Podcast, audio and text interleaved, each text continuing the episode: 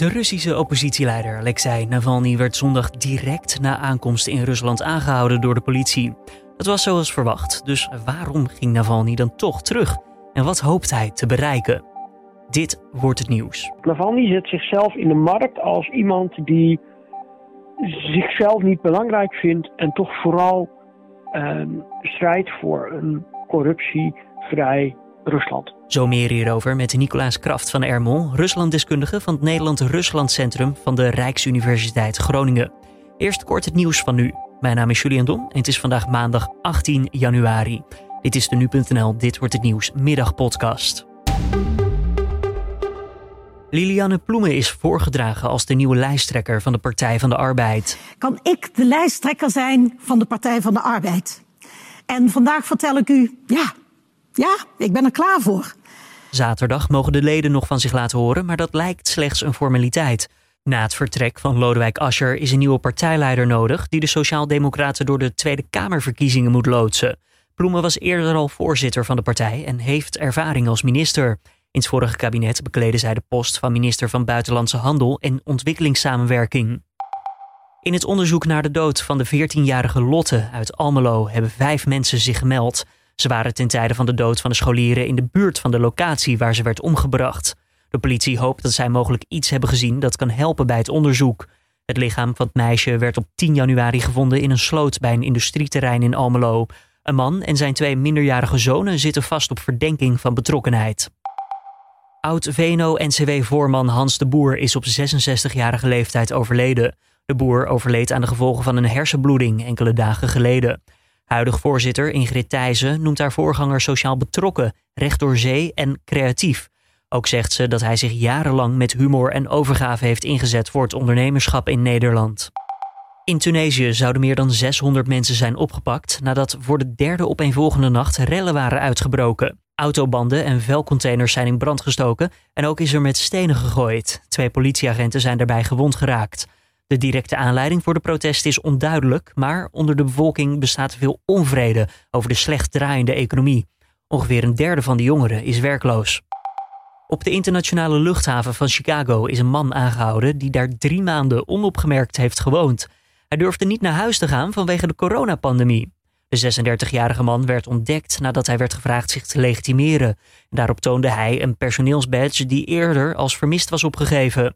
Hij wordt nu verdacht van het ongeoorloofd betreden van verboden gebied, van een luchthaven en van diefstal. Al zegt hij zelf dat hij de badge heeft gevonden en niet heeft gestolen. Dan ons gesprek van deze maandagmiddag. De Russische Alexei Navalny, een bekende naam. Hij is zondag direct bij terugkomst in zijn thuisland aangehouden in Moskou. Navalny werd in Berlijn behandeld na eerder in 2020 te zijn vergiftigd. Naar eigen zeggen gebeurde dat door de Russische geheime dienst. Het oppositielid moet 30 dagen de gevangenis in, omdat hij de voorwaarden van zijn voorwaardelijke vrijlating heeft overtreden. Navalny noemt dat besluit politiek gemotiveerd.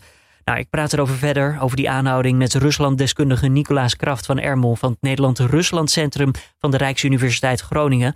Meneer Kraft van Ermel, eh, Navalny die verwachtte dus vooraf al dat hij zou worden aangehouden. Wat hoopt hij dan nu toch te bereiken met deze vrijwillige terugreis en ja, onvrijwillige aanhouding? Uh, nou ja, voor Navalny, net als voor niemand, komt het niet als een verrassing dat hij nu is gearresteerd. Uh, ik denk dat dat heel veel te maken heeft met de, het, persona dat Navalny heeft gecreëerd. Navalny zet zichzelf in de markt als iemand die zichzelf niet belangrijk vindt en toch vooral um, strijdt voor een corruptievrij Rusland.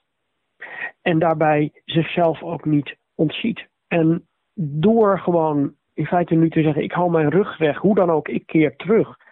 En ik trek me eigenlijk weinig aan van wat het regime met mij doet of over mij vindt houdt hij dat imago in stand. Maar eh, goed, dat imago is één ding, maar netto verandert er volgens mij niet zo heel veel, toch? Als je kijkt naar de werkwijze van de autoriteiten. Nee, het netto-effect is uh, inderdaad niet zo heel groot. Anders dan dat Navalny nu ja, eh, vastzit en we niet weten hoe zich dat verder gaat ontwikkelen. En ja, zijn imago staat dus voor een corruptievrij Rusland. Als we dan eventjes uh, doordenken in, op, wel, op wat voor wijze wilt hij dat dan toch realiseren hiermee? Uh, nou, Navalny die, die richt zich vooral op het laten zien hoe corrupt Rusland is, hè? hoe corrupt het systeem in Rusland is. Het aantonen daarvan. Dus, precies. En door nu gewoon, als het ware, uh, ja, opgepakt te worden. Uh, met een aanklacht waarvan hij zegt, of althans, hè, het is dat hij zich niet zou hebben gehouden aan de voorwaarden voor een voorlopige invrijheidstelling, voor een veroordeling van enkele jaren geleden, waarvan hij zegt die veroordeling is nergens op gebaseerd. Dat is op zichzelf al, uh, zoals hij dat neerzet, een vorm van corruptie. Ja, laat hij ook weer zien hoe corrupt het systeem is. Als we het van de andere kant bekijken, uh, wat hoopt Poetin of uh, het Russische regime hiermee te winnen met deze aanhouding van Navalny? Het is heel simpel. Um, als je Navalny achter de, in de cel hebt zitten, kan die niet meedoen aan verkiezingen, kan die niet uh, in de vrijheid opereren en is die tijdelijk gewoon gestoord. Zo, zo, moet je het zien. Dat ze in de basics van, dan is het geen last als het ware. Ja. Maar de, van de andere kant, je zou toch ook kunnen zeggen, en misschien speel ik dan advocaat van de duivel, maar uh, door iemand zo veel aandacht te geven, iemand zo hard aan te pakken steeds, maak je daar toch een soort uh, martelaar misschien of een soort symbolisch icoon van, van die persoon of niet? Dat is tot op zekere hoogte natuurlijk een, een reëel risico. Aan de andere kant moeten we niet vergeten, vergeten Navalny is, spreekt een, een heel klein, beperkt publiek echt aan. En een heel groot deel van de Russen die mm, kijkt niet naar de producties die hij maakt, die uh, kijkt uh, naar staatsmedia en krijgt hier ook niet zo heel veel van mee. Kunnen ze dan niet bij die informatie van Navalny of, of willen ze die niet zien of zeppen ze daar gewoon van weg?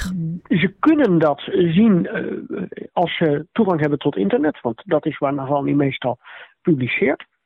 Uh, maar uh, we moeten ons realiseren, voor een heel groot deel van de Russen is de staatsmedia of aan de staat gelieerde media is hun dagelijkse informatievoorziening. Wordt die, wordt die dagelijkse informatievoorziening dan ook als betrouwbaar geacht door het Russische volk? Dat ligt eraan aan wie je het vraagt. Uh, maar voor ja. ja, nee, um, maar um, voor een, een, een, een, een, een, een, voor een, een deel van de bevolking wel. Hoe, hoe wil Navalny, want ja, zoals, zoals je aan het begin zegt, um, hij wil aantonen dat het Russische regime corrupt is. Daarom laat hij zich ook weer aanhouden. Daarom is hij vrijwillig teruggevlogen vanuit Duitsland naar Rusland. Hij zal dit waarschijnlijk ook weten dat een groot deel van de bevolking dan ja, uh, toch kijkt naar de staatstelevisie. Hoe wil hij dan ja, nogmaals dat punt aantonen dat Rusland corrupt is als uh, veel mensen hem toch niet weten te vinden of misschien hem niet eens geloven? Nou ja, kijk, uh, hij richt zich tot een bepaald deel van de bevolking die dit wel meekrijgt. Een kleine groep, zegt u net, hè? Dat is, ja, ik bedoel, we hebben het niet over uh, we hebben het niet over de grote bulk van de bevolking, maar we hebben het wel over mensen die behoren tot de middenklasse. Uh, tot over het algemeen wat jonger zijn.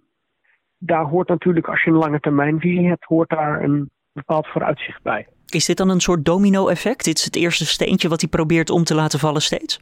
Ja, ik weet niet of hij zo strategisch denkt. Ehm, dat, dat, dat durf ik niet, niet te zeggen. Maar Kijk, het helpt wel bij het neerzetten van je, van je persona, van je imago. En laten we eerlijk zijn, als je het hebt over opereren in de publieke ruimte, of dat nou in Nederland is, of dat nou in Rusland is, daar is bij het, het in stand houden van je, je publieke imago is daarbij belangrijk. Toch eh, krijgt de Russische regering, het Russische regime zelf ook steeds meer te maken met, um, nou, wantrouwen is misschien niet het goede woord, maar eh, mensen slikken het niet meer zoals vroeger. Uh, Poetin die heeft vooral ingezet op uh, volgens mij de sociale cohesie binnen Rusland. Op uh, kijk ons eens goed doen voor het volk. Dat is ook niet meer wat het was, toch? Nee, kijk, wat er aan de hand is, is Poetin is, laten we het eerlijk zeggen, aan het begin van deze eeuw hè, alweer uh, aan de macht gekomen. Eigenlijk met een, een, een hele simpele belofte. Ik ben de nieuwe sterke leider van Rusland. En ik zorg ervoor dat de chaos van de jaren negentig niet weer kan, kan terugkeren. Dat geldt zowel op het gebied van bijvoorbeeld veiligheid als ook op het gebied van sociaal-economische zekerheid en het, het, niet terugkeren in de financiële en economische chaos van de jaren negentig.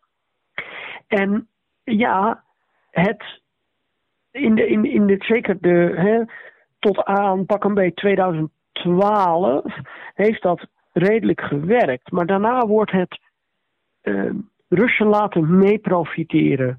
Uh, een beetje een stukje welvaartsstaat misschien wel. Dat wordt steeds moeilijker.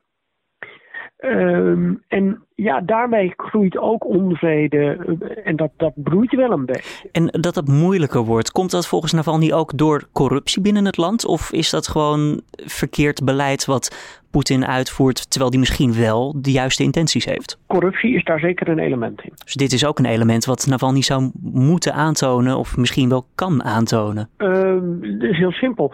Als, als er niet zoveel corruptie was, was er veel meer geld wat je had kunnen investeren in... Uh, duurzame economische ontwikkeling. Maar is dat ook daadwerkelijk tastbaar te maken voor de oppositie en in dit geval Navalny? Dat kun je, dat, dat kun je heel goed tastbaar maken. Uh, je, je kunt uh, laten zien van, hé, hey, als dit regime niet zo corrupt was, dan was er meer geld geweest voor, ik zeg pensioenuitkeringen dan hadden we niet hoeven hervormen aan pensioenstelsel, dat soort dingen.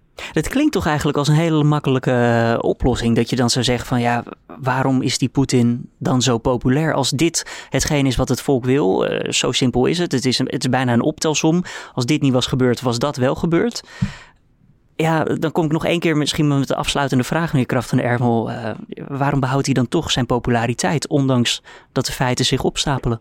Uh, voor een deel omdat hij de laatste jaren natuurlijk heel sterk op een nationalistische tour uh, uh, heeft, heeft gezeten. Dat speelt een rol. Aan de andere kant, um, hij, hij is wel de, iemand die zich opstelt als de sterke leider. Dat speelt ook een rol. En misschien ook nog wel heel cru, in een land dat een lange democratische traditie heeft, zou dat ehm, zou zouden dit soort sociaal-economische problemen al veel eerder leiden tot uh, regime change of wat dan ook. Maar dat heeft Rusland ook niet. Nicolaas Kraft van Ermel van het Nederland-Rusland Centrum van de Rijksuniversiteit Groningen. Ik wil u hartelijk danken voor de tijd en toelichting. Dan nog eventjes het weerbericht van Weerplaza. De bewolking die overheerst en in het noorden valt een enkele bui. Het is 3 tot 6 graden en vanavond en vannacht gaat het vanuit het westen regenen. Dit was dan weer de Dit wordt het nieuws middagpodcast van deze maandag 18 januari. Tips of feedback zijn natuurlijk altijd welkom. Laat het weten via podcast.nu.nl. Mijn naam is Julian Dom en ik spreek je morgenochtend weer om 6 uur ochtends op nu.nl met het nieuws van dan.